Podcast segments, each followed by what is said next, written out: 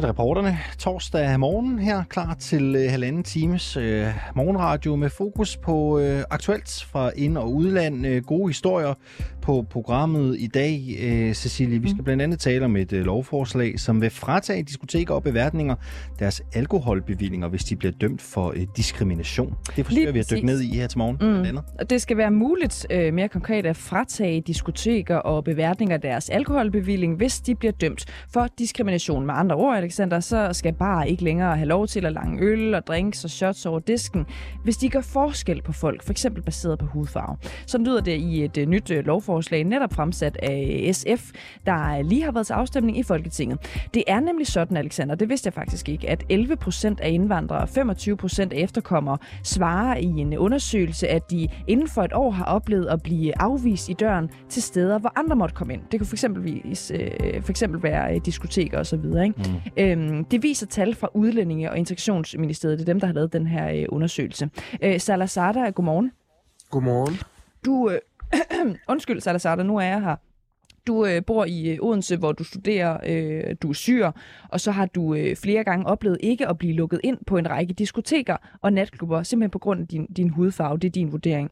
Og for en god ordens skyld, så skal vi også lige tilføje, at du ikke er helt øh, upolitisk. Du har øh, stillet op øh, til kommunalvalget for, for enhedslisten, og det gjorde de jo i, øh, i Odense sidste år.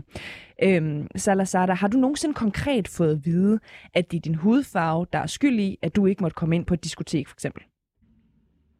Øh, nu ved jeg ikke, hvor meget øh, øh, øh, har min opstilling i, i efteråret har noget med sig at gøre, for jeg er upolitisk øh, aktiv, så det synes jeg ikke, det har noget sammenhæng øh, i det her. Det, det vurderer vi, at det synes vi, lytteren lige skal vide. Øh, så jeg gentager bare lige spørgsmålet. Øhm, har du nogensinde konkret fået at vide, at det er din hudfarve, for eksempel, der er skyld i, at du ikke må komme, øh, komme ind? Du er fra Syrien, ikke? Øh, ja, det har jeg fået konkret direkte at vide, at det var på grund af min hudfarve, at jeg måtte ikke komme ind. Så øh, øh, det har ikke været en vurdering, eller hvad kan man sige, en, når jeg har gættet mig frem, det er noget, hvad kan man sige, dørmand har sagt direkte til mig, at øh, øh, det, det var direkte på grund af det. Vil du ikke lige prøve at forklare øh, os? Vi, jo, øh, vi står to øh, studieværter øh, her, her i, i studiet. Vi har hvid øh, hud. Hvordan lyder sådan en formulering? Altså, øh, er det en dørmand, der bare siger, prøv lige at høre, jeg kan se, du er brun i huden, derfor kommer du ikke ind. Eller hvordan lyder det? Øh, jamen, øh, det var en gang, hvor jeg, øh, jeg skulle komme på den her øh, øh, øh, sted, øh, og så viser man selvfølgelig min ID og det hele, og jeg er totalt ædru. Øh, jeg har ikke øh, altså, hvad kan man sige, startet med at drikke. Øh, og så siger han, nej, du må ikke komme ind. Og så tænker jeg, nå, okay, øh, øh jeg, jeg, jeg tænker ikke så meget over det, men så lige pludselig kan jeg sige, at der øh, mens jeg venter og sådan ligesom ånder mig over, for jeg ikke må komme ind, så er der flere, der bliver lukket ind øh, som er ikke brun øh, i farvet eller i hud, som man siger. Mm. Øh, og det starter sådan, øh, jeg starter så at stille spørgsmål til dørmanden. Øh, han blev ved med at bare ikke svare mig. Øh, men jeg, altså, jo flere, der kommer foran mig og går ind, jo, jo mere jeg bliver lidt, man kan sige, lidt vred, sådan, øh, altså, hvorfor, hvad er der, der sker? Og så, og så til sidst siger han til mig direkte, at øh, de har en kurve til, hvor mange øh, udlændinge må, de må have i, i, i, øh, i stedet, og den er, den er opfyldt, og derfor må jeg ikke komme ind. Okay, så han siger simpelthen, at fordi han kan se, at han vurderer, at du, øh, han kategoriserer dig som udlænding, og den kvote er allerede opbrugt, så må du ikke komme ind. Ja, han kan sige, at jeg er brun, han kan sige, at jeg er sorthåret, han kan sige, øh, altså alt det. Mm. Og, det øh, og, og lige præcis det, hvad kan man sige, de, de detaljer, de har de noget kurter til, øh, og det, det måtte jeg ikke komme ind for. Hvad sagde du til det? Jamen, jeg, tror, jeg fik chok faktisk. Jeg, jeg, jeg sagde ikke noget, fordi jeg tænkte bare, wow, altså, jeg, jeg, jeg, jeg fik chok. Jeg, jeg sagde ikke noget faktisk. Jeg gik bare, øh, men har tænkt over det rigtig, rigtig meget.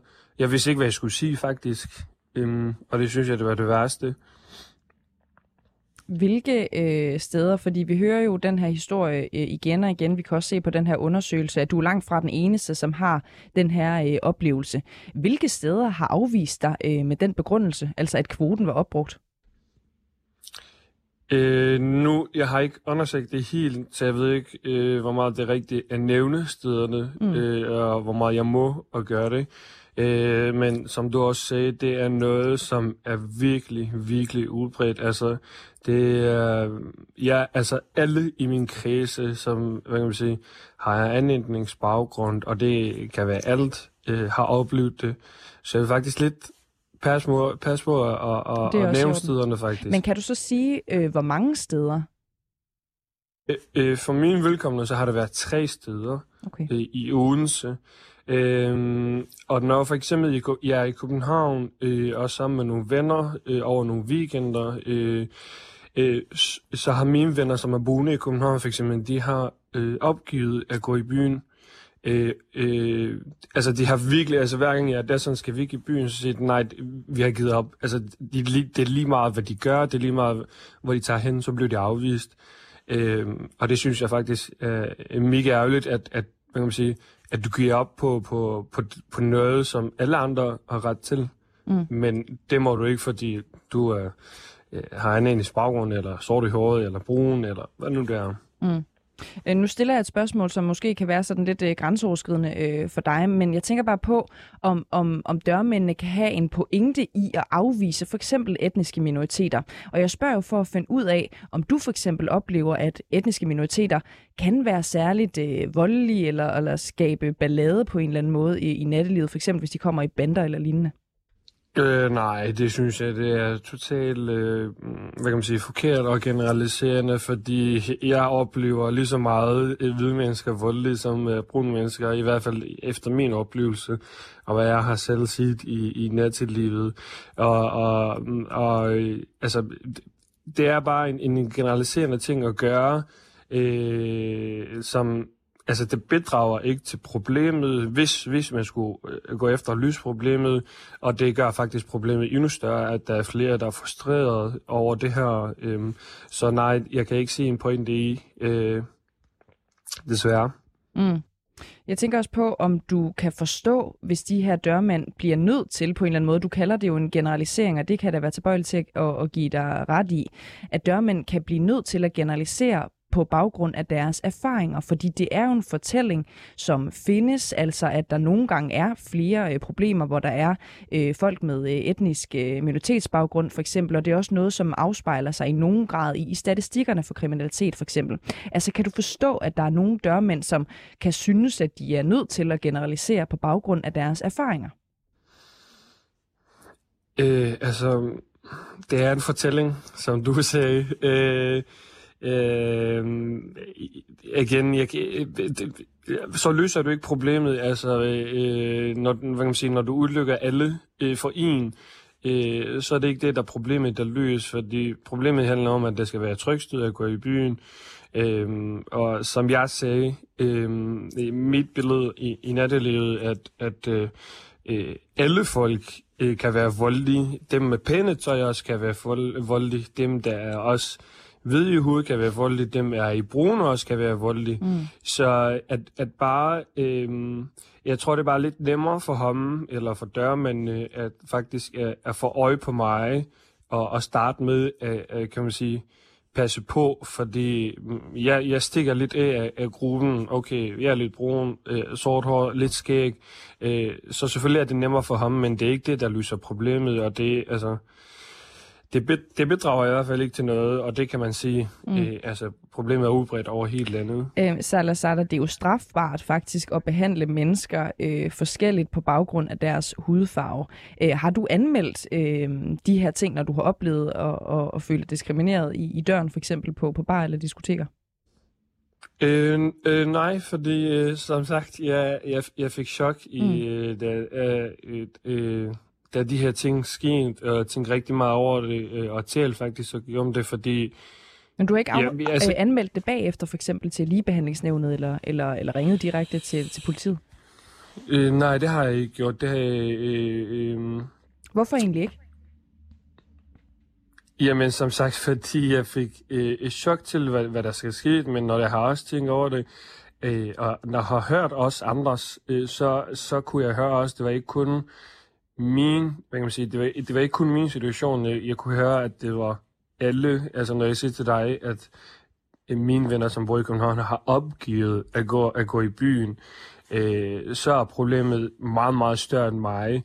Øh, og jeg er ret sikker på, at det skal nok lyses, for eksempel med det her lovforslag.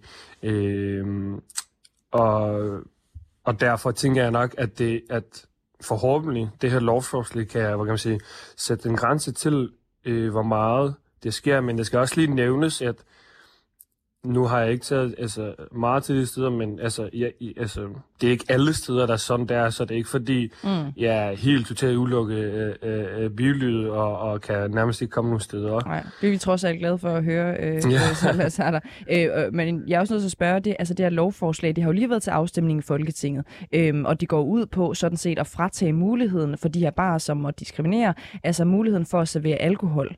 Øh, tror du, det er nok? Altså tror du, det kommer til at virke øh, præventivt øh, mod diskrimination, som du oplever for eksempel? Det tror jeg nok, fordi lige sige, den der med vurdering af dørmand, det tror jeg nok, han tager det lige to gange lige mere i, i hovedet, før han tænker, okay, øh, nu, nu skal, altså, han, altså man, man skal, hvad kan man sige, nu skal jeg være rigtig i min vurdering, og nu skal jeg, hvad kan man sige, nu skal jeg ikke bare, det skal ikke bare gå ud over alle, der er brune, alle, mm. der øh, hvad kan man sige, har skæg. Øh, og, derfor, og derfor tænker jeg, at det kommer til at hjælpe i hvert fald, øh, forhåbentlig, øh, det håber jeg. Men det tror jeg faktisk på, fordi det kommer ikke bare til at, altså det er bare ikke en, en hvad kan man sige, en, en light screening, og eller det bliver virkelig en, okay, måske er du på en liste, som, mm. man kan sige, andre bare har skrevet, at du er for eksempel voldelig, eller et eller andet, eller man kan sige for eksempel nogle, et eller andet, at der er noget, der gælder, eller du er helt fugl, eller øh, hvad kan man sige, en eller anden ting, men at, at dør man tingene to gange over det, det tror jeg nok, det kommer til at hjælpe rigtig, rigtig meget. Salazar, øh, studerende fra øh, Odense, som altså oplevede diskrimination i nattelivet. Tusind tak, fordi du var med her til morgen. Og lad os nu sige, Cecilie, at man ejer en natklub. Du vil gerne have, at kun 5% af dine gæster er mørke i huden. Ja, så sætter du måske din dørmand til at gøre det beskidte arbejde for dig. Det er jo ikke dig selv, der står fra, derude. Og... Salazar her, ikke? Sådan lyder hans historie i hvert fald. Øh, nu kan vi sige godmorgen til en øh, dørmand, der med egen ord har stået vagt i hele Københavns natteliv, og som har været førstehåndsvidne til, at unge med indvandrerbaggrund er blevet afvist på grund af deres hudfarve. Godmorgen, Jonas. Godmorgen, godmorgen. Øh, det er et anonymt navn, skal jeg starte med at sige. Du er anonym, øh, men vi er naturligvis bekendt med din identitet her på øh, programmet. Har du været med til at afvise folk i byen udelukkende på baggrund af deres hudfarve? Ja, man kan jo sige, at der er nogle forskellige kutumer, man, man vælger at køre i døren. Øhm, på nuværende natklub, som vi står på, der oplever vi ikke den form for diskrimination. Men der har været tidligere, hvor man har set kollegaer, som, som afviser folk øh, som rent faktisk er pænklædte og ser ordentligt ud, men øh, hvor man så siger, at dem glæder vi os til at tage imod, og så siger han, at man vælger lige at afvise. Øh, og når man så spørger efter en øh, begrundelse, hvad er årsagen til det afvise, der folk står i skjorte og pænt tøj og 3-4-5 øh, glade øh, gæster, der på vej ind i natlivet, så, så hører man bare, at det ser lidt for mørkt ud derinde. Så det bliver sådan hurtigt, øh, okay, det er simpelthen for mørkt til at være derinde, eller hvordan er det, det foregår. Så når man siger det, det ser lidt for mørkt ud derinde, så er det med henvisning til, at der er for mange mørke, som er til ja. stede på natklubben. Det er korrekt, ja. Så er der simpelthen for mange udlændinge. Der er rigtig mange af de her, hvad skal man sige, hypede natklubber, der godt kunne tænke sig et uh, vidt klientel. Uh, noget, der måske er sådan lidt mere roligt, hvis man kan sige det i, i god hvilke, hvilke natklubber er det?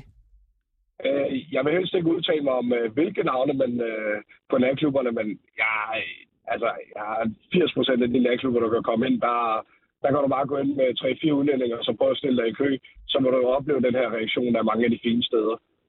Øhm, det jeg hørte dig sige, er, at du har ikke selv været med til at afvise folk i byen på baggrund af hudfarven, men du har oplevet det. Kan du prøve at give et konkret eksempel? Et konkret eksempel på en situation, hvor en gæst er blevet afvist på grund af sin hudfarve.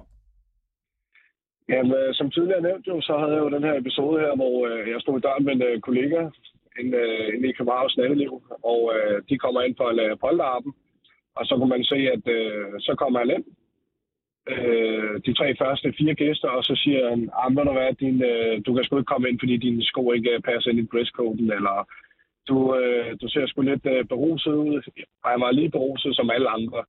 Og så ender alle de andre med at komme ind, og så står man her med den her ene person, som ikke er kommet ind. Og der undrer man sig lidt over, hvorfor han ikke kom ind. Og når han så spørger, så siger han, ah, men der er lidt for mange udlændinge, dem skal vi ikke have for mange af igen. Så direkte for den anden dørmand. Og når man så spørger ind til den kutume, hvorfor han valgte at gøre det på den her måde, om det er for at vide for hans øh, arbejdsgiver, at det er sådan, at de skal køre, fordi de stedet gerne vil have det på den måde. Jonas, øh, det kan godt være, at det er et kantet spørgsmål, det her, ikke? Men, men jeg spørger dig alligevel, også fordi du har meget erfaring som dørmænd. Ja. Etniske minoriteter, er de mere voldelige i nattelivet? Altså er der, kan der være en konkret grund til, at nogle øh, værtshusejere, natklubejere simpelthen ikke ønsker for mange af den type kunder? Jeg synes, øh, når man taler om sådan et, øh, hvad skal man sige, et betændt emne, så er det vigtigt, at man kommer ind fra begge sider. Man oplever i hvert fald, altså jeg har i hvert fald oplevet, at øh, man godt kan opleve, nogle gange så er der, hvad skal man sige, større sandsynlighed for, at man oplever de her udlændinge, som har nogle problemer, som tager det med ind i nattelivet. Men jeg synes ikke, jeg synes, man også skal lære at skille mellem, hvad der er rigtigt og forkert. Og det skal være en mavefornemmelse fra dørmand til dørmand. Fordi du er sort, så er det ens betydning med, at du laver nogle problemer eller laver nogle fejl. Man kan hurtigt mærke det på attituden, hvis man er en dørmand eller en erfaren dørmand så burde man kunne mærke det med det samme, at har man brede armsvinger, og begynder man at kaste med flasker allerede uden, når man står i kø, så er det nok ikke den gæst, man ønsker indenfor. Og der er det vigtigt at skille med, at det er ikke farven, der skal afgøre det. Du, du, du siger, at man skal ligesom øh, basere sit valg på baggrund af en mavefornemmelse. Men det kan jo godt være, at der er nogen, der står i døren der og tænker, øh, vi har haft mange uheldige episoder med øh, etniske minoriteter. Så baserer de det jo også på en mavefornemmelse, måske endda på erfaringer. Er det så okay? Øh, jeg vil ikke sige, det er okay. Øhm, fordi det, der er vigtigt, øh, noget, nu kan jeg tale ud fra mine egne erfaringer, at øh, hvis jeg er i tvivl, øh, så er jeg ikke i tvivl. Øh, jeg vælger at stille de her spørgsmål. Jeg så lige god aftenshow med øh, en af gæsterne, som øh, fortæller, at det skal gå simpelthen så hurtigt, så skal man afgøre en beslutning med det samme. I min optik, så kan det ikke gå hurtigere, end at køre en lovlig forretning. Mm. Og hvis tingene går for hurtigt, at man ikke kan tage en beslutning, så skal man simpelthen stoppe den dør og være sikker på, at den her gæst eventuelt føre en samtale, prøve at skabe en dialog med det her, og se, hvem der er bag det her menneske. Fordi mange af dem kan man blive overrasket over, at der kan stå en som lidt pumpet af herregud, øh, to meter høj og skaldet, og så kan han sige, at der er, jeg pædagog. Så kan man også stå og tænke, okay, det, det havde jeg sgu ikke lige regnet med i første indtryk, og virker som en super cool fyr, så er der ingen grund til at komme med et øh, afvisningsgrundlag, fordi man tror, at han kan være til fare for klubben. Jonas, øh, du er selv, som sagt, rutineret dørmand. Du har øh, turneret det københavnske natteliv. Du siger, du ikke synes, det er i orden.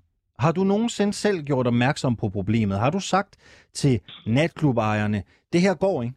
Det er en forkert praksis. Har du selv taget et opgør mod det, som du jo selv er en del af, den industri? Øh, jeg har flere, jeg har flere gange nævnt, øh, hvordan det kan være, at øh, altså, det er så gralt, øh, som det er. Der får man bare at vide, at det er sådan en forretning, fordi der er mange, der siger, at ved du hvad, det ser sgu lidt for skræmmende ud, eller der er folk, der ikke gider gæste, eller jeg tror, det er blevet sådan mere en procedure, som de har givet for natklubejerne, og sådan har været der i så mange år, at det er mange af de nye managere, som der kommer, og folk, der kommer ind i en det bliver mere sådan en pølsefabrik, at sådan her gør vi, sådan her gør vi ikke, uden rent faktisk at stille sig selv det spørgsmål, hvorfor gør vi det? fordi man bare hører fra andres erfaringer, og det er det, man handler ud fra, i stedet for at danne sine egne erfaringer. Det er bare for at finde ud af, hvem det er, der har ansvaret for den her diskrimination, ikke? Fordi det er vel også folk som dig, som arbejder i industrien, som bør gå op til natklubejerne og sige, jeg kan ikke arbejde i det her, eller jeg vil ikke, jeg vil ikke støtte en virksomhed, der bedriver den form for praksis. Hvor synes du, ansvaret ligger henne? Jeg synes, at øh, ansvaret ligger to steder. Øh, inden man peger fingre nogen, så skal man øh, til at se indad som dørmand. Øh, for det første er det dørmand, fordi det er ham, der, hvad skal man sige, der er førstehåndsindtrykket. Hvis der er noget, man er utilfreds med, så skal man øh, råbe højt omkring det. Og det er der bare mange, der ikke gør. Jeg synes, øh, selve dørmandsbranchen, den er blevet meget øh, peberet. Det er blevet meget mere en øh, pølsefabrik. Men synes du selv, du har været god nok også? Har du selv været god nok til at gøre et oprør mod det, der sker? Jeg synes, det begrænser omfang, hvor meget man kan gøre jo. Fordi øh, dagen i dag, der er jo meget med, at man... Det er bare fordi, du selv siger, at dørmændene har et ansvar jo. Selvfølgelig har man et ansvar, men det jeg kan jo fortælle ud fra, når jeg er på arbejde. Jeg kan jo ikke gøre det for resten af landet.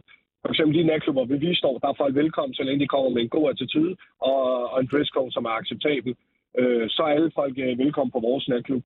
Men det er der bare ikke mange andre steder. Men det er også vigtigt, at man også sætter det op på ejerne, fordi det er dem, der sætter regler og rammer. Så, og det man hører med, at øh, ah, vi har ikke de her problemer, det er bare sjældent, man oplever det i nattelivet. Altså, det er både ejeren og både øh, dørmændene. Så burde ejeren lade være med at tage det billigste tilbud, man får for de her dørmænd, og bare vælge nogen, som står i døren, som rent faktisk er ligeglade med holdning og moral og etik, og rent faktisk at få nogle veluddannede dørmænd, som man får øh, øh, som man får noget øh, betalt. Det, man betaler, det er det, man får for. Jonas, øh, tak skal du have, fordi du var med her til morgen. Altså det var. Dørmand i København, og Jonas, det er altså et dæknavn, da han ønsker at være anonym. Vi er bekendt med hans identitet. Jonas, der i det her interview siger, at 80% af stederne i nattelivet i København, de øh, kører med en diskriminerende praksis. Han siger også, at det er normalt, at man simpelthen siger, det er for mørkt derinde, ja. hvis man ikke ønsker flere etniske minoriteter. Og diskrimination, den sker først og fremmest i, i døren, hører vi øh, gentaget flere gange her i uh, programmet, og derfor så er den centrale person jo også dørvagten i rigtig mange uh, tilfælde, Alexander.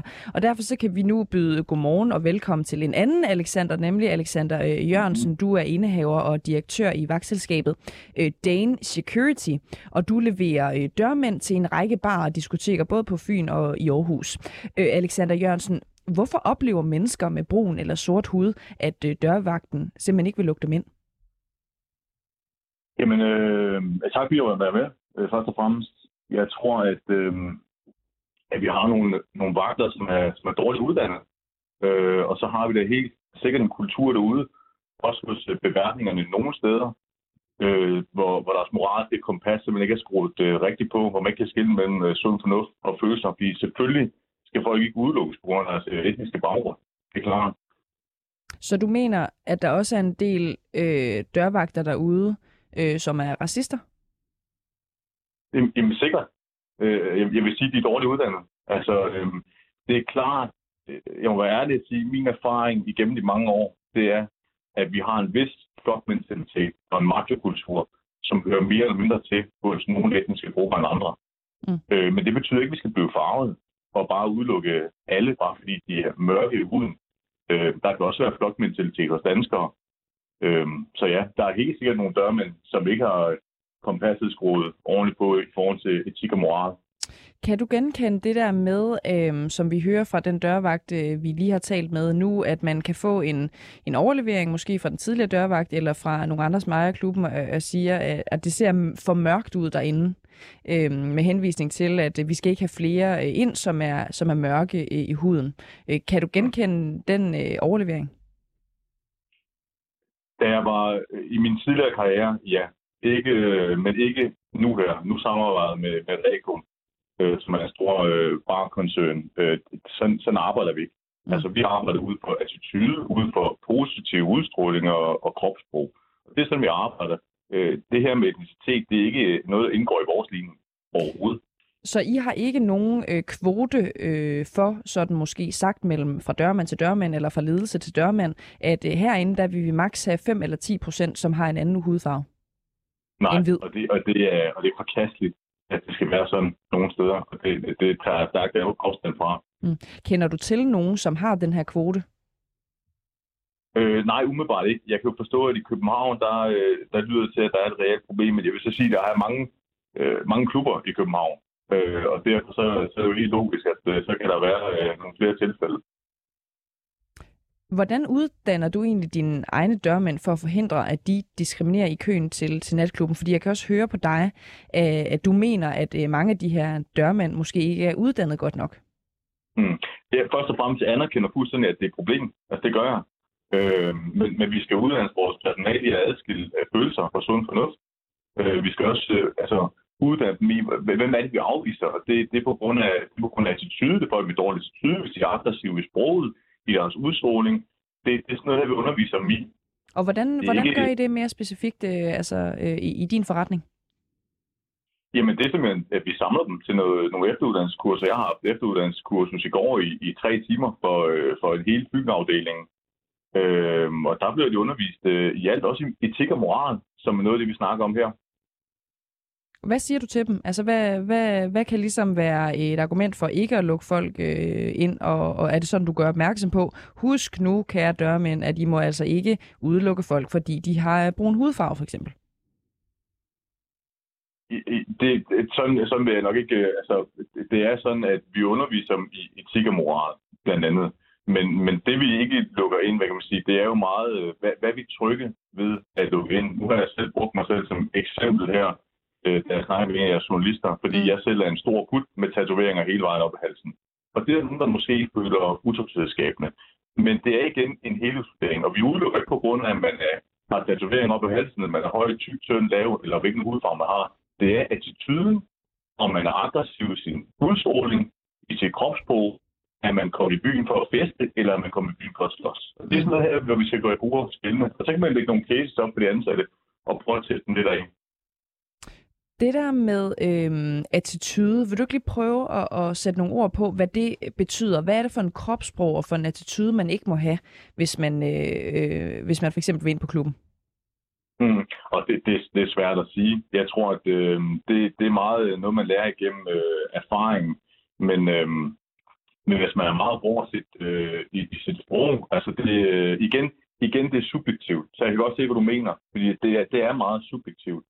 Øh, men, men der skal vi bare være gode og, og, og kunne mærke efter øh, på, på gæsten, om det her er en gæst, der er kommet for at hygge sig, eller er det en gæst, der er kommet for at, at lave noget andet. Men jeg tror bare ikke helt, at jeg forstår, hvordan I uddanner folk til at, at, kunne, mærke, at kunne mærke det. Nej, men, men det, er, det er igennem øh, erfaring, at vi deler ud af vores egen erfaring og, og også med, om man har et øh, åbent kropssprog eller lukket kropssprog. Altså, der er mange af de her ting her, som man ligesom, øh, som ligesom skal være, øh, lære med meget af det, får man igennem erfaring. Prøv at forklare mig, hvad er et åbent kropssprog, for eksempel? Hvad er det?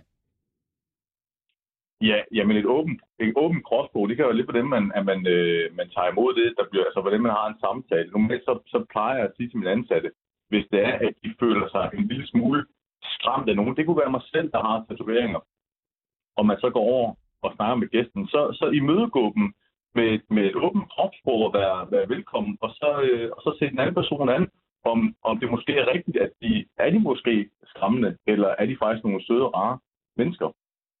Så skal man gå ind øh, hen til en person, for eksempel som er brun i huden, og sige, øh, ved du hvad, jeg synes, du ser lidt skræmmende ud. Er det rigtigt? Er du skræmmende? For mig at sige, har det ikke noget at gøre med, at i huden. Altså, det, det er slet ikke... Øh, det bruger vi slet ikke. Og det er det, vi taler om i dag jo, fordi det er det der problematikken, ja. at der er mange, der bliver øh, diskrimineret ja. på baggrund af hudfarve. Så det er derfor, jeg bruger det eksempel. Men kunne, det, altså, kunne det være en approach?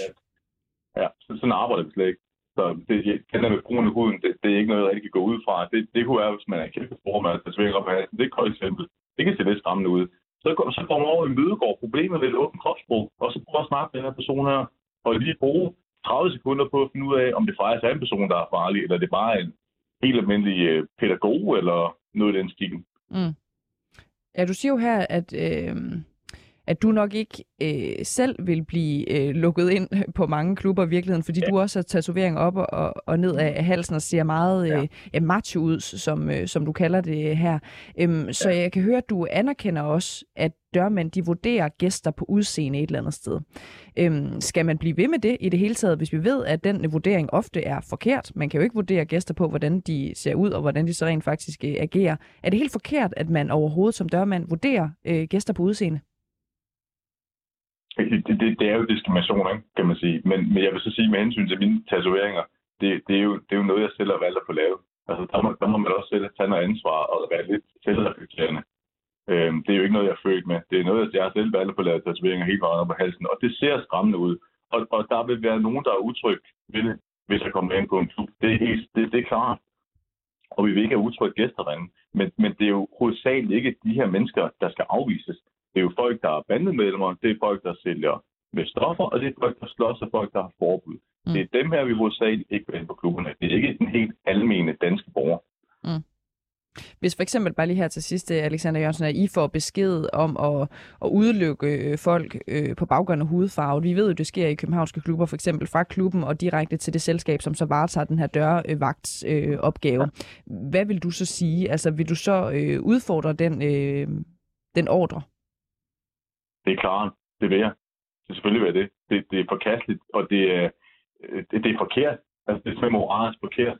Øhm, så selvfølgelig, det, det skal der være en dialog om. Hvis, det er overhovedet, hvis vi overhovedet oplever en snær af det her, så skal der være en dialog om det hurtigst muligt. Men jeg har ikke oplevet det nu med den kontrakt, jeg har hos Rekon. Mm. Alexander Jørgensen, øh, indehaver og direktør i vagtselskabet Dane Security. Øh, tak for din tid her til morgen. Selv tak. Øhm, Alexander, vi tager lige nogle kommentarer, øh, som vi har fået ind på Facebook vedrørende det her med diskrimination i, i nattelivet. Du er også meget velkommen til at sende en sms ind, hvis du sidder derude. Det kan du gøre på 92 45 99 45. Du kan også bare øh, hoppe ind på vores Facebook-side 24 øh, og skrive en, øh, en kommentar, hvor vi er, vi er live. Det er vi alle hverdage. Øhm, David, han skriver, at der måske kan være en sammenhæng med, at folk ikke kommer for at købe cocktails, og dermed ikke er en indtjening. Det ved jeg ikke, Alexander, om du, øh, om du køber den øh, kommentar. Jeg ved ikke, om man på den måde kan vurdere på folk, om de bruger penge eller ej. Altså, at de ikke skulle have nogen penge? Folk, der ser mørke ud i huden? Ja, du ved så ikke, om han henviser lige præcis til Nå. hudfarve, men altså, jeg kan da Nå, godt se en god forretningsmodel i, at hvis jeg står i klubben for eksempel, så kan de jo godt se, når hende der, Kommer for at købe drinks. hun kommer ikke for at købe en skid, hun Nå. kommer bare for at danse, ikke? Nå, okay. Jeg ved det ikke. Ja. Øhm, der er også Katrine, som skriver, øh, at øh, følgende, jeg citerer, problemet med det her er, at man vurderer straks folk på deres ydre fremtoning. Psykopaterne i jakkesæt, som er velklædte og charmerende, kommer ind på alle steder, men de kan sagtens være kriminelle. Mm. Det er jo faktisk en, en meget god point, ikke? Mm-hmm. Tit, når man hører om, om psykopater, så er det jo dem i, i jakkesæt. Mm. Hov, det sagde jeg bare lige for egen regning, ikke? Tusind tak for jeres øh, beskeder. I må altid øh, skrive ind til os. 92 45 99 45 er nummeret, hvis du vil sende os en sms, eller så kan du blande dig på vores Facebook-side. Og i årvis, der har flere praktikanter på Danmarks Radio følt sig overfuset af den profilerede vært på P1-programmet Bagklog, nemlig ham, der hedder Esben Kjær. 10 ud af 12 praktikanter, som 24-7-programmet Babylon har været i kontakt med, har oplevet netop dette, altså at deres chef, Esben Kjær, har opført sig krænkende med blandt andet voksenskældud, vredesudbrud og nedladende kommentarer.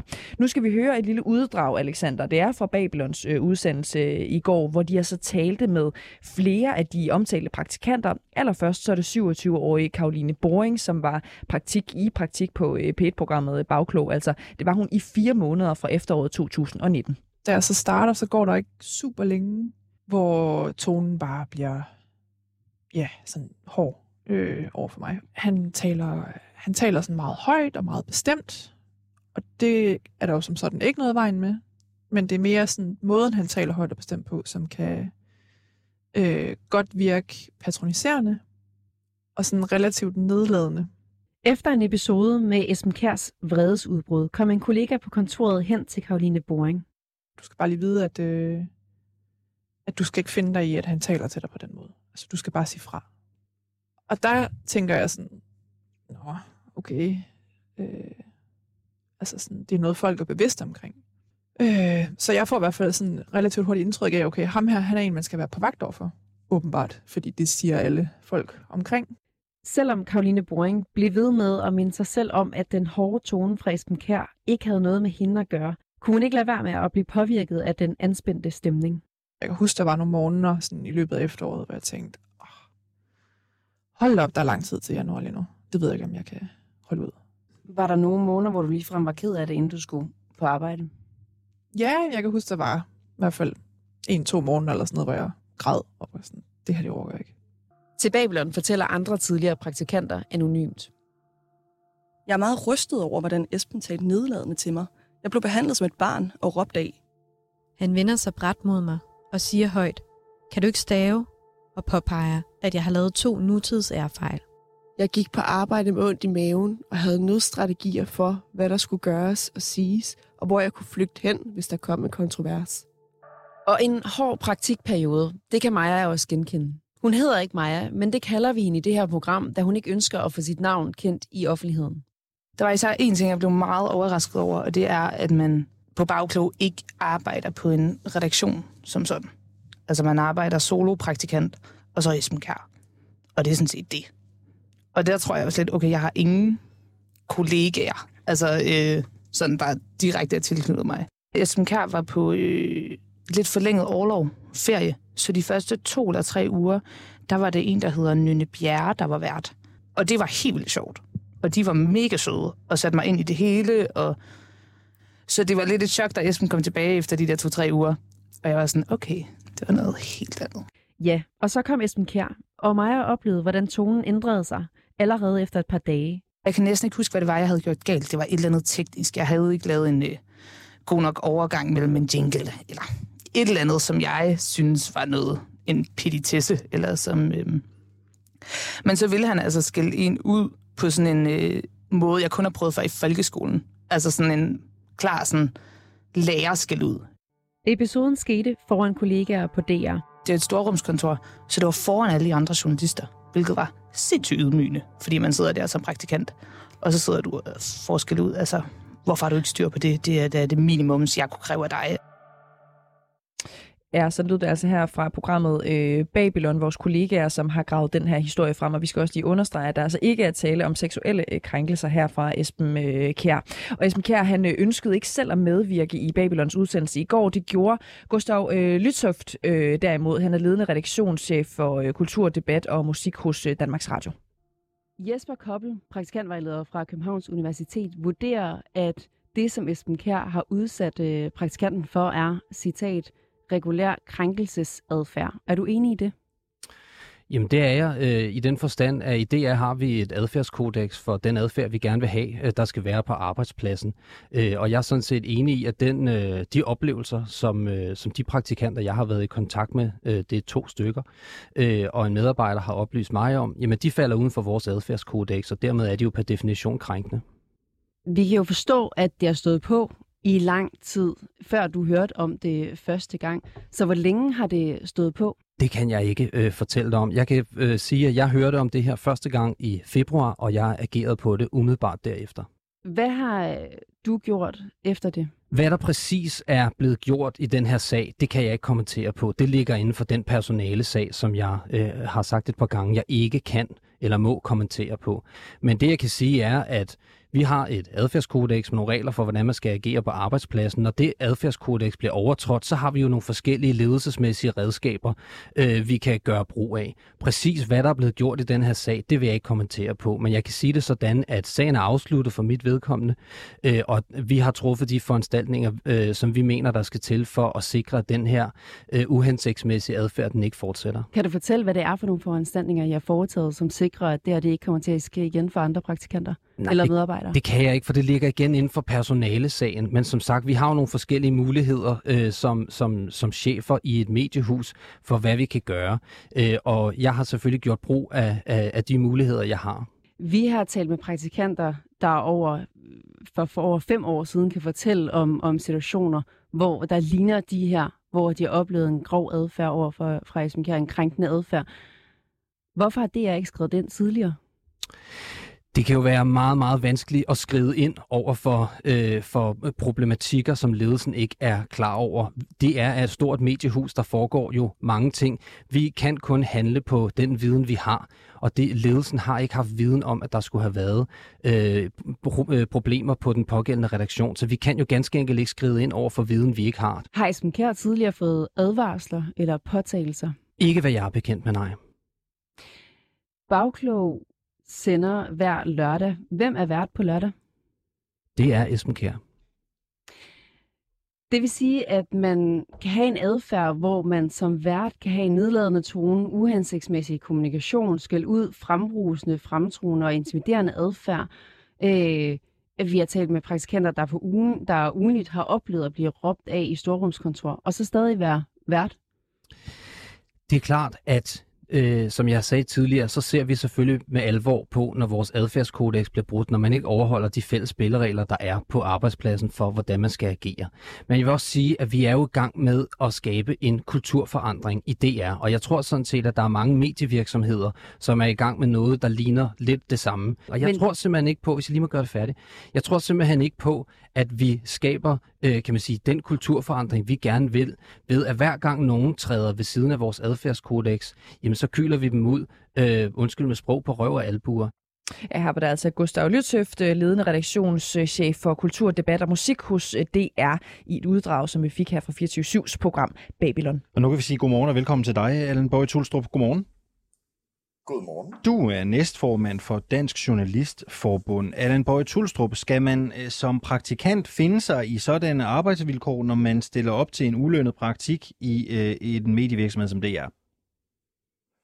Øh, nej, det skal man selvfølgelig ikke. Uanset hvilken medievirksomhed eller virksomhed i nogen som helst branche, hvor man dukker op som unge menneske, der, så skal man jo modtages med respekt, og man skal behandles ordentligt. For rigtig mange unge mennesker bliver det her jo deres første møde med et arbejdsmarked. Og hvis det bliver et møde, der, der foregår med råb eller krænkelse eller andet, så er det jo helt forfærdeligt, både for, for den enkelte, men jo også for, for os alle sammen. Hvor mange henvendelser får I årligt om den her type sager, altså hvor ansatte eller praktikanter på mediearbejdspladser bliver behandlet dårligt af chefer eller lignende? Øhm, faktisk får vi ikke specielt mange øh, enkelthenvendelser på det her. Det, det vil jo typisk være sådan på en arbejdsplads, at man har en, øh, en arbejdsmiljørepræsentant, man har en praktikantvejleder, man har en, har en tillidsrepræsentant.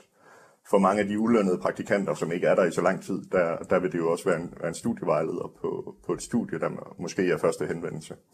Øh, og for mange af de uddannede er de jo heller ikke nødvendigvis medlem hos os. Øh, men det, det vil nærmere være en praktikantvejleder, en, en tillidsrepræsentant, der henvender sig til os og siger, på den og den arbejdsplads fornemmer vi, at, at der er noget kultur, der skal arbejdes med. Mm. Øh, og det sker, det sker jævnligt, at vi, øh, særligt de seneste par år, at vi, vi er i dialog med, med arbejdspladser omkring den kultur, der er rundt omkring. Øh, kender du til andre øh, mediearbejdspladser, både redaktioner i DR, men også arbejdspladser andre steder i mediebranchen, hvor praktikanter eller elever oplever at blive udsat for hård og grænseoverskridende adfærd?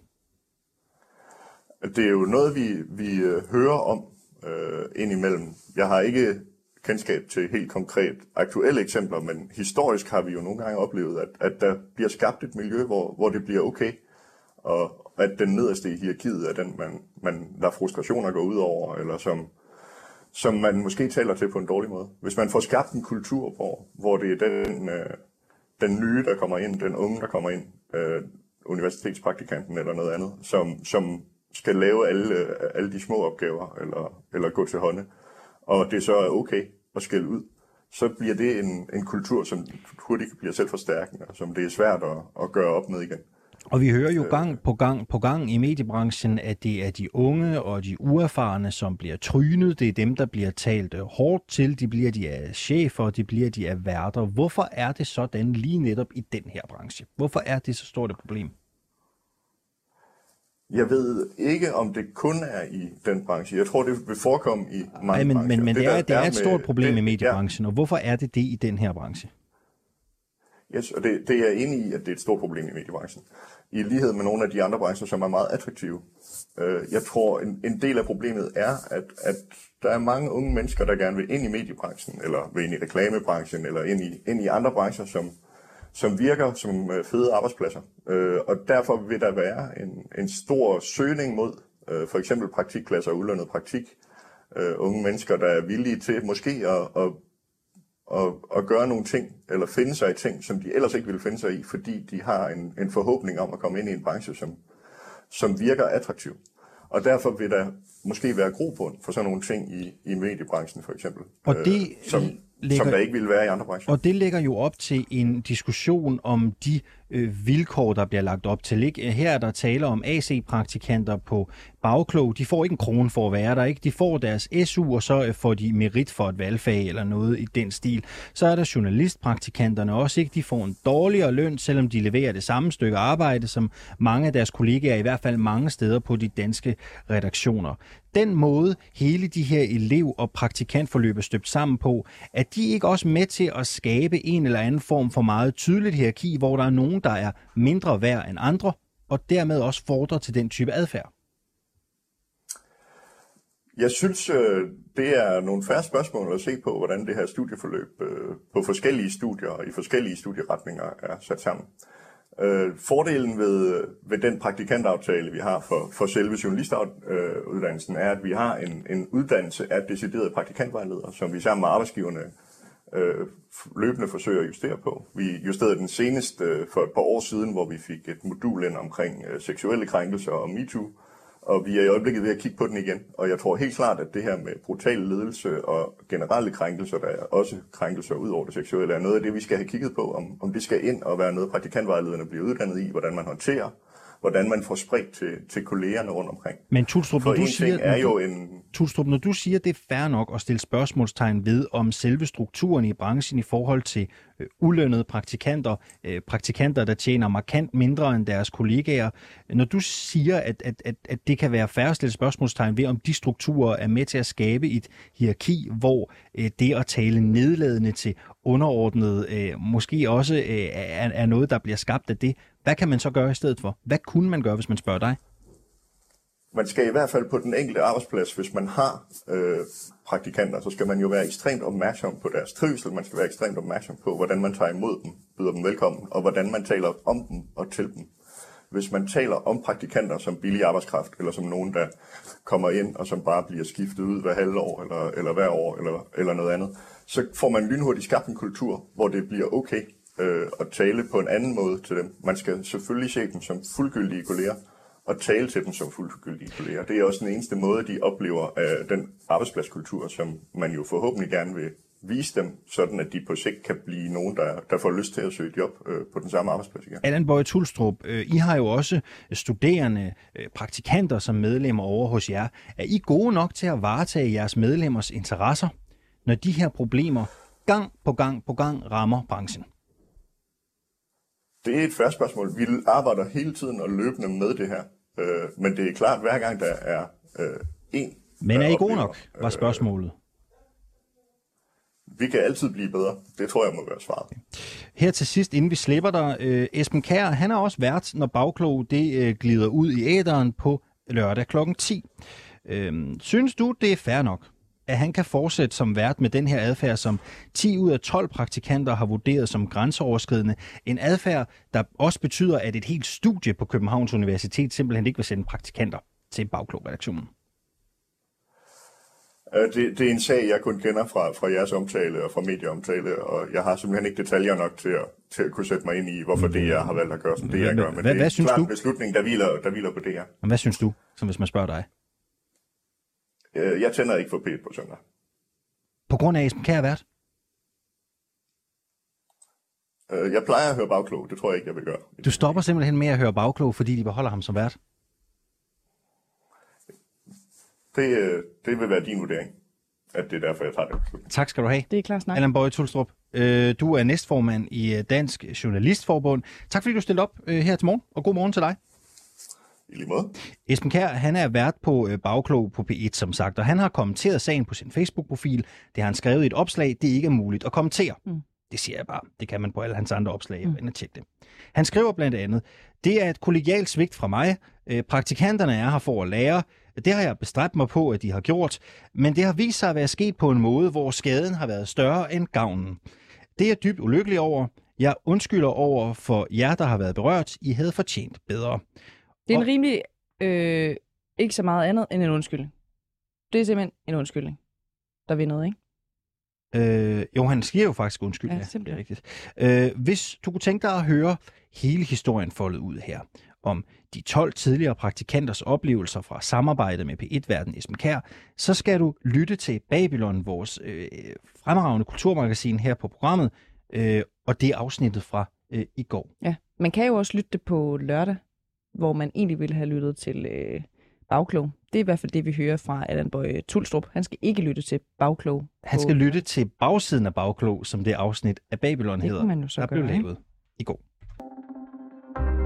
Det er anden dag på øh, anklagebænken for den jyske bordeldronning, som øh, gennem en periode øh, på over tre år angiveligt har drevet 28 bordeller, hvor udenlandske kvinder har solgt sex. Ifølge anklageskriftet så har den 31-årige kvinde tjent knap, knap undskyld 6 millioner kroner, og udover rufferi, så har hun også øh, tiltalt for hvidvask, dokumentfalsk og for forsikringssvindel. Vores øh, reporter Camilla Michelle Mikkelsen, hun var til stede, Alexander, det kan du godt huske, i retten i Esbjerg i tirsdags, hvor vi også øh, talte med hende, hvor det var første retsmøde, øh, som faldt på den dag, og i dag så skal hun i sted igen. Øh, godmorgen til dig, Camilla Michelle Mikkelsen. Godmorgen. Øhm, hvordan lød tiltaltes øh, forklaring egentlig på de her anklager, som er blevet fremsat? Jamen, hun nægter sig skyldig i både rufferi og hvidvask. Og hun lægger simpelthen vægt på, at det er fordi kvinderne kommer til hende. Hun opsøger ikke dem for at få arbejdskraft. Okay. Men øh, anklageren, han forklarer jo så, at altså, straffeansvaret for rufferi, det ligger altså på den, der driver virksomheden og på de medvirkende. Det kan være telefonpasser, chauffører, udlejere af lokaler osv. Øhm, så det ligger altså på dem, der tjener pengene på, at andre øh, sælger sex, og det kan man altså få op til fire års fængsel for. Og tiltalte hun forklarede i retten, hvordan hun både stod for telefon og annoncering i forhold til at hente kunder ind til de her kvinder, udlejning af lokaler øhm, og så videre. Så der er noget, der sådan ligesom er lidt modstridende i hendes forklaring. Mm.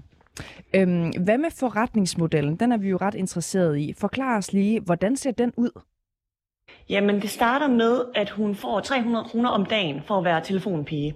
Først så er hun bare for en enkelt veninde, men det udvikler sig hurtigt til, at hun står for det meste. Altså både annoncering og så videre, hvor hun ligesom trækker kunderne ind i biksen. Det er også hende, der skal sørge for at købe kondomer, sexlegetøj, glidecreme og så videre. Hun har ligesom sådan et menukort, som vi så billeder af i retten. For eksempel så koster sex i 15 minutter 400 kroner, mens en time koster 1000 kroner. Så kan man sådan købe ekstra ydelser. Det kan være analsex, det koster 300 kroner oven i prisen. Eller noget, der hedder mega fransk, som jeg har lært, det er et blowjob uden kondom. Det koster så 200 kroner. I bunden af det her menukort, så står der så, øh, du kan ikke få dine penge retur, hvis du kommer for hurtigt. Og de her kort, de stammer ligesom fra en rensagning af kvindens sådan, firmaejendom i Esbjerg. Øh, og man har også fundet dem igennem en politiaktion af to bordeller. Det hun så forklarer, det er, at de lynhurtigt ender på det, der hedder en 50-50 løsning. Altså, at hun får halvdelen af kvindernes indtægt.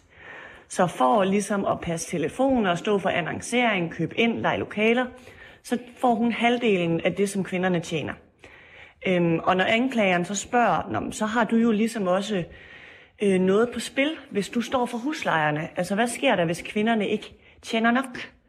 Og så svarer hun så, jamen, øh, så tager jeg en snak med dem. Nogle gange så aftaler vi, at de må skifte by, måske skal de have et nyt bordel, måske skal de have en ny adresse, hvor de kan tjene noget mere. Men hun forklarer så, at det er for deres egen skyld, fordi at de selv bliver kede af det, hvis de ikke tjener nok. Øhm, Camilla Michelle Mikkelsen, jeg ved jo også, at du er blevet lidt klogere på den her øh, bordeldronning, som vi kalder hende, og som hun er blevet kaldt i flere øh, medier. Øhm, prøv lige at forklare os, hvordan startede hendes forretning egentlig?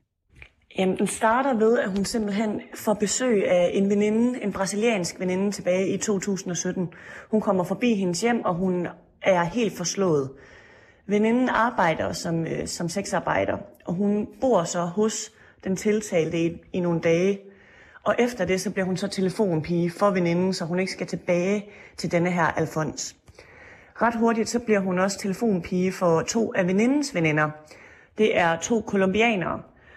Øhm, kort efter hun så har overtaget deres telefoner, så bliver de her to kolumbianere banket og voldtaget af deres Alfons, og de søger så hjælp hos den tiltalte. Og det er ligesom her, hun rykker tættere ind i bordelverdenen. Fordi det, på det tidspunkt, der søger hun en lejlighed til de to kolumbianere. Øhm, hun siger sådan i retten, jeg føler, at det var min pligt at hjælpe dem. Øhm, og hun siger, jeg redder dem jo fra en Alfons, der banker dem og voldtager dem. Så jeg føler, at jeg skaffer dem bedre vilkår. Og det er ligesom her, det starter. Hun fortæller også, hvordan hun, hun sorterer ud i de ubehagelige kunder, fordi hun jo sidder med telefonerne. Hun siger blandt andet, at hun kan få beskeder som, øh, nu skal jeg komme og knippe livet ud af dig, eller jeg kommer og knipper din hjerne ud. Og dem blokerer hun, så de aldrig kommer ind og bliver kunder hos de piger, hun passer telefoner for. Så det er altså en fortælling, lyder det som om, hvor at den her øh, kvinde, den tiltalte, altså øh, ja, redder de her øh, sexarbejdere fra øh, voldelige øh, alfonser. Det er øh, i den grad en spektakulær øh, sag, som vi glæder os til at, øh, og, øh, at følge mere med i. Tusind tak, fordi du var med os her til morgen, Camilla Michelle Mikkelsen, altså reporter her på øh, programmet. Og vi siger også bare lige her til sidst, Alexander, at kvinden, som i medierne har fået øh, tilnavnet øh, Bordel Dronning, skal afhøres over tre dage. Det forventes, at der falder dom i sagen den 20. juni juni, og vi kommer selvfølgelig til at følge med her på reporterne. Det var første time. Vi er så småt ved at lakke mod enden. I næste time skal det handle om en debat, der i den grad har trukket fronterne skarpt op mellem SF og SF's Ungdomsparti. Ungdomspartiet de mener simpelthen, at SF er kommet for langt ud til højre i udlændingedebatten, og de vil have taget et opgør med moderpartiet.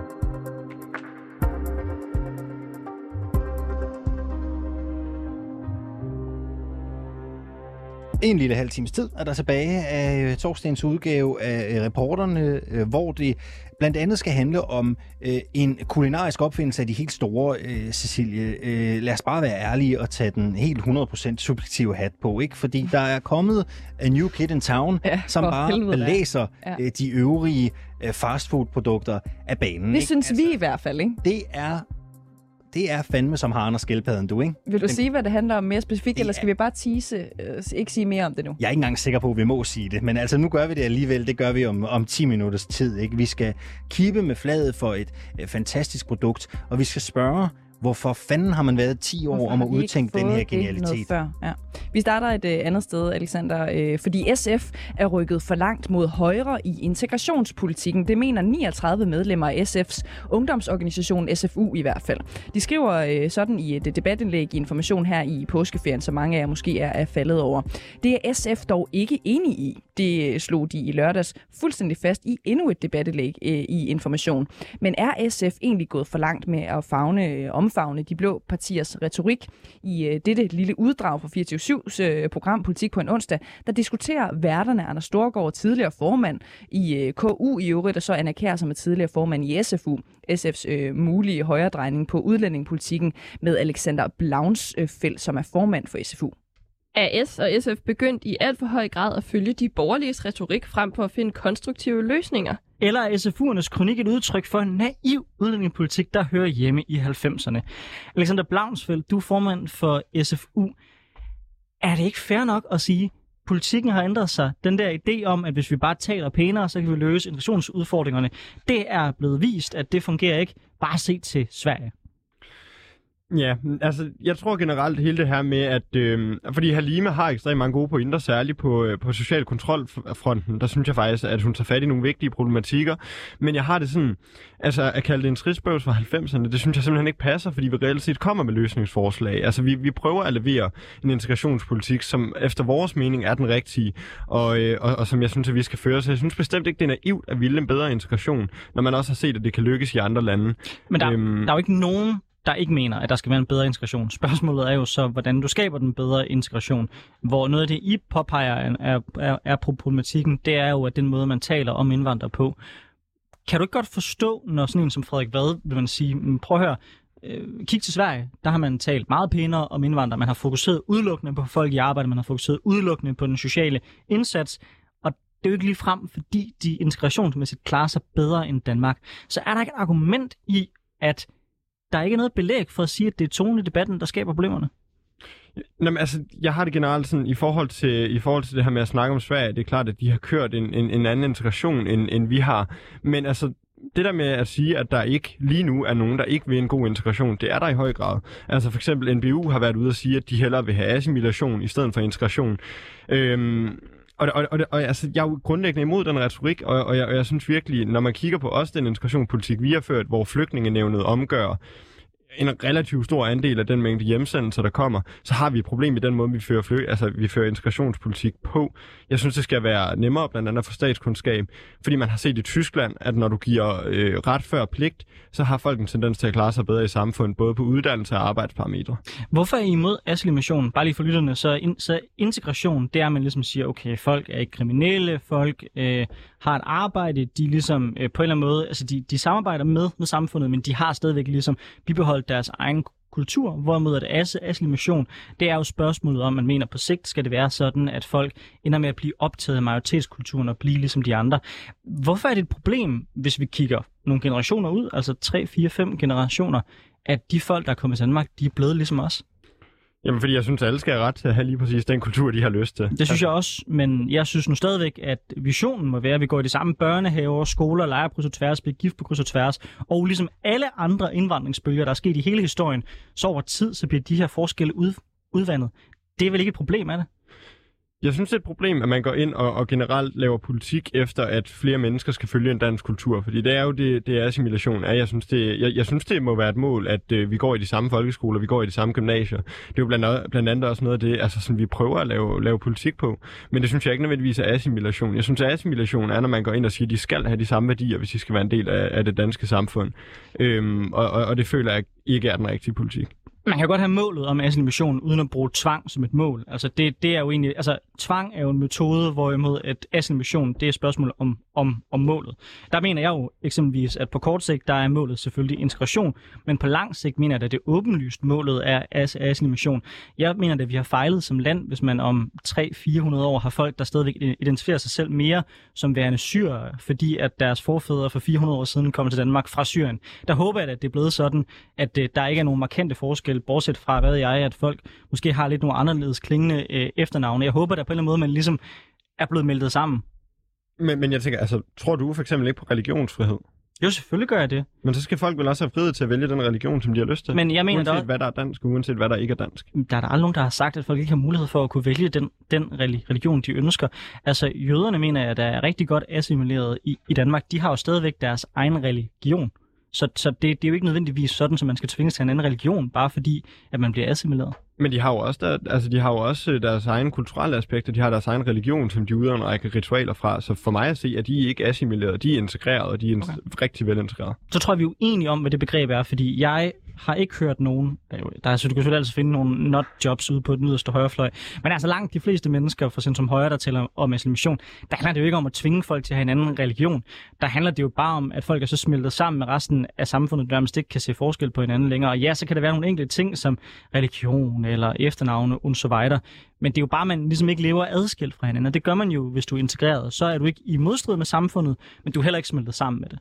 Men, men det er jo også nogle af de ting, vi kritiserer i det her indlæg. Det er jo blandt andet, at man sætter et entydigt negativt fokus på for eksempelvis islam øh, og muslimer, og siger, at de har øh, fundamentalt anderledes værdier, fordi det er langt fra alle, der har det. Det afhænger af, altså hvad din holdning til demokrati er, for eksempel, hvor man ser, at muslimer har den samme holdning til demokrati, som kristen har i samme grad, afhængig af, hvor religiøs du er. Så jo mere religiøs ekstrem du bliver, jo værre, eller jo mindre tiltro har du til demokratiet som koncept, uanset om du er kristen eller muslim. Det følger ind hinanden. Så for mig at se, jeg er ligeglad med, om folk de er muslimer, jeg er ligeglad med, om folk de er kristne, eller mm, hvad, hvad de nu føler sig som, rent religiøst, så længe at det ikke går ud over demokratiet. Rigtig, rigtig spændende debat om assimilation og integration. Den er jeg sikker på at kunne køre i lang, lang tid, og også rigtig spændende at tage. Det må blive et, et andet afsnit, vi tager den. Øh, for jeg synes, vi skal vende tilbage til det her konkrete indlæg, øh, hvor øh, vi øh, kritiserer øh, Halime Gys, som er integrationsordfører for SF, øh, i at være for højreorienteret og snakke for negativt om øh, forskellen på kultur. Men kan der ikke være noget rigtigt i, at, der, øh, at kultur spiller en rolle i integrationspolitikken? Jo, selvfølgelig spiller kultur en rolle, øh, også når det kommer til integration. Men problemet er, at når man får kørt det op som være den entydige faktor i, hvordan man skaber en god integration, det mener jeg simpelthen ikke, det er. Altså, alle studier viser jo, at sådan nogle ting som socioøkonomiske forhold har, et større, øh, altså har en større betydning for f.eks. kriminalitetsstatistikken, som er det, mange peger på, når de siger, at integrationen er fejlet. Altså, der spiller socioøkonomiske øh, forhold en meget, meget stor rolle. Jeg mener, de, de to ting hænger rigtig godt sammen. Altså, hvis du kulturelt set er øh, markant anderledes end det omkringliggende samfund, så er det også sværere for dig at lære sproget, det er sværere for dig at få et arbejde, det er sværere for dig generelt at interagere med samfundet. Hvis du har svært ved at få et arbejde, du har svært ved at være en del af samfundet, så har du også tendens til socioøkonomisk at ende et sted, hvor du har større problemer. Så er det her i virkeligheden ikke cirkulært, hvor både kultur og socioøkonomi føder ind i hinanden og er med til at skabe problemerne i fællesskab. Nej, altså man, man vælger jo fra statens side at give folk en lavere ydelse, hvis de er flygtet. Øh, så kan man diskutere, hvorvidt det er færre eller ej, men det spiller i hvert fald ind i den socioøkonomiske rolle, man får tildelt som samfund, eller i samfundet som flygtninge. Øh, samtidig er det klart, at når man ikke taler sproget og lignende, så er det svært at få et arbejde, det, og det er sværere at, at komme, altså komme i uddannelse. Men det er jo også egentlig det ting, hvor integration må spille en rolle. Jeg synes ikke, vi skal straffe folk, der lige er kommet fra landet, eller lige er kommet til landet, for ikke at kunne snakke, altså for ikke kunne tale sproget. Det synes jeg er ret problematisk, fordi det jo netop handler om, at løfte folk, øhm, altså løfte folk socioøkonomisk ud af eksempelvis kriminalitet, som man ser generelt fattigdom gør ved folk. Så der synes jeg, vi skal være betydeligt bedre til at løfte folk. Sådan lød det altså, og du kan høre øh, resten af debatten i øh, Politik på en onsdag. Den kan du finde alle de steder, hvor du plejer at hente dine podcasts. Det kan være farligt at kombinere to populære og lækre produkter i et. Øh, lavkage er lækkert, det samme med karisil, men sammen ikke umiddelbart en succes, vel? Nej, det Sådan lyder en klamt. karisil. Det lyder det decideret lyder ikke særlig lækkert. Mm. Øh, det er dog ikke tilfældet med den nyeste ret på McDonald's menukortet, vel? Nej. Det er Topsburgeren. Jamen, jeg bliver helt sulten. Det er, jeg overvejede også, om jeg skulle købe nogen med i dag, men jeg har altså ikke gjort det, fordi jeg kunne ikke nå det. Jeg kom sent op, ikke? Øh, det er en cheeseburger, ikke? Mm. Klassisk. Bolle, ost, kød, lidt pickles, kombineret med chili cheese tops. Mm. Jeg må rette dig, Alexander. Der er ikke pickles i, cheese, i, i topsburgeren. Nej, det, der er faktisk heller ikke øhm, cheddar-osten. Nej, nej, Den det er der rigtigt. ikke. Det er rigtigt. Så i virkeligheden er det måske altså, mere en hamburger med tops, øhm, altså chili cheese tops, ja. indeni. Friteret ost med, øhm, hvad, hvad, hvad hedder de der øh, grønne, lidt stærke, øhm, jalapenos. Ja. Oj, Det er simpelthen Dios bare mio. godt, det er godt med godt på. vi er, vi, er, vi er faktisk mere enige, end, end vi plejer at være Ja, ja, på alt i verden, end jeg, med det her. Jeg prøvede jo at sådan ligesom se, at jeg er den eneste, der er blæst bagover af det her produkt. Og jeg ved godt, vi skider jo højt og klassisk på alt det der public service lige nu. Ja. Det her produkt er vidunderligt. Jeg søgte på sådan nogle madblogger for at se, hvad de egentlig synes om det. Og der er sådan en rimelig bred enighed om, at det her produkt er fantastisk. da du, da du sagde det på redaktionen for mig, altså jeg smed alt, hvad jeg havde hænderne, og slog hårdt i bordet, for bare at, at give dig ret. Ja.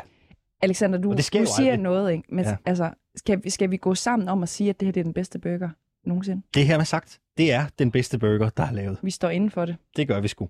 Øhm, spørgsmålet er jo bare, hvorfor har det taget så mange år at kombinere cheese-toppen og burgeren i et produkt? Ikke? Fordi man hører jo om folk, Ja. som efter en bytur køber en cheeseburger og en pose cheese-tops, og så putter de cheese-toppen ind i cheeseburgeren og spiser det. Og det skulle efter sigende, jeg har aldrig selv prøvet det, men Nej. det skulle være en fantastisk spis. Jeg kendte overhovedet ikke til den uh, trend, så talte jeg med min uh, svoger her i påsken, som sagde, ja. kæft, det har jeg gjort i årvis. Altså, det er en kæmpe klassiker, det der med at putte øhm, tops ind i sin burger og bare spise den. Hvem skal vi ringe til? Skal vi ringe til en af restauranterne, eller skal vi ringe op på hovedkontoret? Jeg synes, vi skal ringe til resta- øh, restauranterne øh, først, McDonald's-restauranterne. Ja, jeg har samlet et potpourri af restauranter, både i øh, hovedstadsområdet mm. Og i Jylland. Ja. Hvem har du lyst til at ringe til? Øh, en af mine øh, yndlings øh, McDonald's-restauranter, det er jo den, der ligger øh, øh, i Aarhus, Hovedbanegården. Vi ringer til Aarhus. Øh. Øj, der har jeg brugt mange timer. Vi ringer til Aarhus, ikke? og så hører vi, om de egentlig øh, om de ved, hvorfor den først kommer nu. Ikke? Ja. Altså lad os prøve at se, om vi kan blive lidt klogere på det. Velkommen til McDonald's på Aarhus Banegård. Yes. Nå, Det var lagt på. De er travlt. Nå, for søren. Travlt klokken er t- 20 minutter over 8. Præcis. Vi prøver, prøver, vi prøver lige igen. Velkommen til McDonald's på Aarhus Banegård. De har da åbent nu. Jo, jo. Så. Sådan. Det er nok bare vores telefoner, der driller. Mm. Og husk, Cecilie, vi ringer jo med fred, ikke? Vi ringer med kærlighed. Det skal du ikke sige så meget. Jeg, jeg ringer med kun ren kærlighed. Kærlighed med cheddarost og jalapenos. Dette program er ikke sponsoreret af McDonald's. Nej. Skynder vi os lige at sige. Vi kan også prøve at se, om vi kan få en sponsoraftale. Eller bare en burger. Det kan vi godt. Lidt langt fra Aarhus. Vi har, vi har taget en meget populær McDonald's, ikke? Så det, Ja, ja. Prøv at høre, vi prøver noget andet. Vi ringer til den, der ligger i Aalborg, øh, i Østerågade. Øh, der er sikkert mindre gang i... Hvorfor man tager du spiser ikke den i Vejle? Der, der, der er jo mindre gang i den i, i Vejle. ud i transportcenteret, tror du det? Ja. Vi prøver at ringe Helt til Vejle. McDonald's ved transportcenteret ved Hornstrup i Vejle. Lad os prøve at høre, om de tager telefonen ja. her til morgen. Men der er jo altid lidt travlt på McDonald's, det ikke det? Jo, men, men trods alt her klokken 20, det er fordi inde i byerne, der kommer folk jo lige fra klubben. De kommer, i Aalborg, der kommer de lige fra gaden. Ikke? Øh... Skulle da ikke på en onsdag nat? Nå, okay. Åh, oh, Alexander, din naive, skønne mand. Ikke? Men det tror jeg faktisk ikke var en ting. Du er da selv repræsentant for den slags. Nej, jeg er sgu lidt gammel. Det kan der godt være noget om. Ej, det er da utroligt. Ej, de tager den ikke. McDonald's til Rasmus. Goddag, du taler med Alexander Lorentzen og Cecilie Lange. Vi ringer fra 24-7's morgenprogram Reporterne. Øhm, vi står og sender direkte i studiet, og vil høre, om vi må stille dig et hurtigt spørgsmål. Det tager virkelig kun to sekunder, og det er helt ufarligt. Rasmus, Ja, det handler om topsburgeren. ja altså, jeg vil helst ikke være med live, fordi du ved. Okay, jamen det, det er i orden, så skal vi ikke forstyrre dig yderligere, Rasmus. Kan du have en dejlig dag? Tak i lige måde. Det er godt, Tak, du har. Okay, det er jo fair nok. Det er jo fair nok. Vi kan nå, øh, vi kan nå en mere. Øhm, skal vi prøve Aalborg nu så? Skal vi blive i det jyske? Ja, enten det eller Vi- pressevagten. Det, det, det styrer du selv, for vi har også pressevagtens øh, nummer. Ej, du vil gerne til Aalborg. Det er fint Ja, jeg vil gerne til Aalborg. Lad os da gå til Aalborg først. Jeg tror faktisk, vi kan nå begge dele. Øh, jeg tror faktisk, vi kan nå begge dele. Vi ringer til Aalborg nu. McDonald's i Aalborg i Østerbrogade. Hvad vil du egentlig spørge om? Altså bare, hvorfor, hvorfor det er Om folk er lige så vilde med det, som vi er. Okay. Og hvis der er nogen, der ved det. McDonald's Aalborg, det er Cassandra. Goddag, Cassandra. Du taler med Alexander Lorentzen og Cecilie Lange. Vi ringer fra 24-7's morgenprogram Reporterne. Vi står, Ja. vi står direkte i studiet nu, og vil høre, om vi må stille dig et lynhurtigt spørgsmål om Topsburgeren. Ja, se om jeg kan svare. Prøv at høre, vi vil bare gerne vide, Cecilie og jeg, vi elsker Ja. Topsburgeren. Vi synes, det er det bedste produkt, der er blevet skabt på fastfood-scenen i mange år. Jeg vil simpelthen bare ja. høre, er det noget, folk i Aalborg godt kan lide? Sælger I meget af det? Ja, ja, meget. Rigtig meget. Cassandra, kan du sige et eller andet om, hvor efterspurgt den her burger er? Altså, jeg tænker, den må have sprængt øh, alle skalaer. Øh, ja, altså inde ved os, nu er vi nogen, der har åbent om natten. Mm. Så der sælger den rigtig godt, især om natten. Så jeg tror, du har ret i det, ja. Hvad, øh, har du selv smagt den? Ja, nu er jeg ikke selv så vild med top, selvom jeg Ej. arbejder herinde, men, øh, men jeg har smagt den, og den er helt okay, men der er nogle andre, der er lidt mere vilde med den, end jeg er. Jeg troede simpelthen, at man skulle kunne lide cheese tops for at blive ansat på McDonald's. Mm. Ah, Det er så her til sidst, inden vi slipper dig, ikke? fordi der er sikkert travlt i, øh, i restauranten lige nu. Øh, Det er jo ikke sikkert, du ved det. Nu prøver jeg alligevel bare at spørge. Ja. Hvorfor har man ventet så mange år på at kombinere de her to fantastiske produkter, cheeseburgeren og cheesetoppen? Ved du det? Hvor, hvorfor kommer det først nu? nej. Jamen, det er jo et godt spørgsmål. Jeg tror bare, det er de seneste år, der er det hypet så meget op, fordi folk har lavet den selv.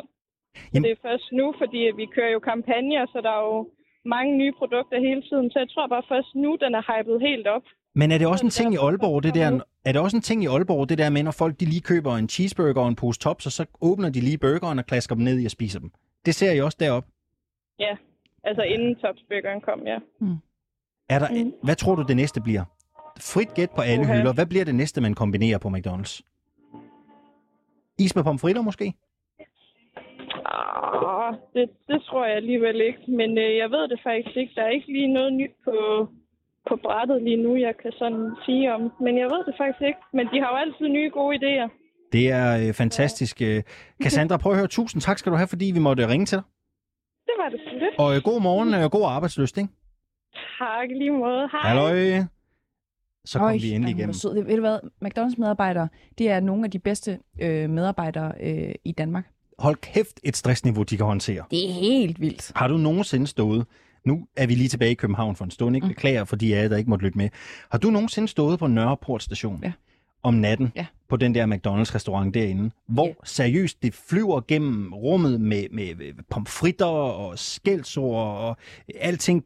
Du, du, altså, du tør nærmest ikke betræde gulvet, hvis du har hvide sko på, fordi altså, det er vanvittigt travlt. Ja, men, og, og dertil skal jo lægges, at folk er så hammerne stive, at, at folk er jo også vildt irriterende. Og de står bare helt køligt, smiler, øhm, ting over disken, og det går endda hurtigt. Mm. Det er så vildt, altså. Jeg elsker McDonald's. Jeg kigger ud på Sofie Ørts i regien. Skal vi prøve pressevagten også for at høre, om der er nogen der, der kan svare på? Vi har lige et par minutter. Skal vi prøve?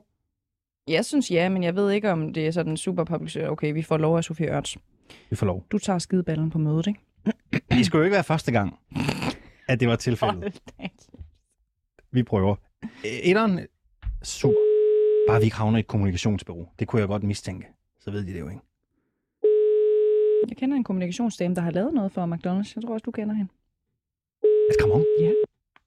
Det tænker hvis vi ringer til Kramon. Mads Jensen. Goddag, Mads Jensen. Du taler med øh, Cecilie Lange og Alexander Lorentzen. Vi ringer fra reporterne 24-7's morgenprogram. Øhm, du laver presse for McDonald's. Det er rigtigt. Ved du hvad, vi står direkte i studiet lige nu og vil høre, om vi ikke må stille dig et hurtigt, lad os bare sige 100% ukritisk spørgsmål om topsburgeren. Øh, I er velkomne. Så må vi, vi se, om, øh, om jeg kan svare. Det er simpelthen fordi, øh, Mads, øh, vi har jo erklæret her i studiet vores kærlighed til det her nye fastfood-produkt, den her nye dreng i klassen. Mads, vi må være ærlige og sige, at vi synes, det er det, be- det bedste burger, der nogensinde har eksisteret. Ja. Der er kun et spørgsmål, der melder sig på. Ja. Mads Jensen, hvorfor i alverden var I så lang tid i McDonald's om at kombinere de her to guddommelige produkter? Hvorfor skulle det tage så mange år, før vi kunne få øh, burgeren og cheese topsene i et produkt? Ja, det er et godt spørgsmål. Det er et godt spørgsmål. Den er jo, der er jo, den er jo blevet taget rigtig godt imod, så øh, det kunne godt være, at vi skulle have gjort det noget øh, tidligere. Men øh, forventningsglæde er jo altid den største, siger man. Så øh, Mads, hvor, hvor godt er den egentlig blevet taget imod? Altså, kan man se det i tallene allerede nu, hvor stor efterspørgsel, øh, hvor godt den har solgt, den her øh, øh, guddommelige burger? Ja, det er, jo noget, vi, det er jo noget, vi holder øje med, og vi må bare sige, at det, den har fået en uh, rigtig god start. Den har fået en, uh, den har fået en rigtig god start. Har du selv er smagt den? kom... Ja, det har jeg. Det har jeg. Hvad, altså, nu, jeg ved godt, det er jo... Nu spørger jeg Ja, McDonald's pressemand, men altså, hvad synes du selv? ja, jeg synes, det smager godt. Altså, det er vel det, man kalder en luksus cheeseburger, ikke? Jo, præcis. Det kunne, det kunne man også have Lige kaldt den. præcis. Det kunne man også have kaldt ja. den. Hvad, hvor, synes du egentlig, det er den bedste burger, øh, McDonald's nogensinde har lavet, eller kan du komme på en anden, der er bedre? Ej, jeg vil sige, uh, personligt, synes jeg ikke, der er lavet nogen bedre end quarter pounderen. Men, uh, også god. Det er også et retrovalg. Ja, det er det. Det er vildt fedt sagt, Ja. synes jeg. Ja. Ja. Prøv at høre, Mads Jensen, vi ville simpelthen bare lige høre, øh, hvordan i alverden det kunne være, der var gået så lang tid. Inden du løber, har I noget nyt i støbeskeen? Hvad bliver det næste kombiprodukt fra McDonald's? Vi spekulerer i, om pomfritter og is kan noget. Øh, visse steder får man jo pomfritter på pizza. Er der noget nyt i pipelinen? Ah, vi tager det, vi tager det stille og roligt. Vi tager det stille og roligt. Men øh, jeg vil ikke afvise, der kan komme noget, øh, jeg vil ikke afvise, der kan komme noget andet. Jeg vil sige, den der med, med pomfritter i isen, den, den er lidt svær som, øh, som øh, menu. Jeg kan jo godt være bange for, at, øh, at pomfritterne vil blive lidt bløde, inden ja. noget frem. Jeg, jeg tænker simpelthen bare umami. Jeg tænker, kan man ja. nærme sig et eller andet der? Det var, det var bare derfor. Ja. Noget sødt, noget surt, noget salt, Mm. et eller andet. Jamen, du Ja, er... ja. ja. Det, er ikke, det, det, øh. det står ikke lige på kortet, Mads Jensen, kan Ved du, vi vi sender dig lige en mail med nogle forskellige forslag, Mads, og så kan vi bare tage den derfra, ikke? Det, det er så fint, det gør I bare. Det kan du have en dejlig morgen? I lige måde. Tak skal du have. Så lød det altså fra Mads Jensen, som varetager pressearbejdet for øh, McDonald's. Mm. Og med det, Cecilie, så kan vi ikke trække den længere i reporterne. Ikke? Vi sluttede i den bløde ende, i den bløde bolleende, kan man også sige, øh, hvis man skal blive i terminologien. Ikke? Øh, Tusind tak, fordi I sidder og lytter med derude øh, hver eneste dag. Husk, at I altid kan finde alle reporterne, øh, øh, programmerne, der hvor I plejer at finde jeres podcast. I skal lige være søde og gå ind og trykke abonner os. Så bliver ja. vi simpelthen så glade, og så er I fri for at gå glip af nyt fra os her på kanalen. Præcis, og lad os så sige, at det var Sofie Lodal Ørts, som har stået i regien i dag og har sørget for, at vi er kommet øh, fra øh, både McDonald's til det københavnske natteliv trygt og godt øh, i dag.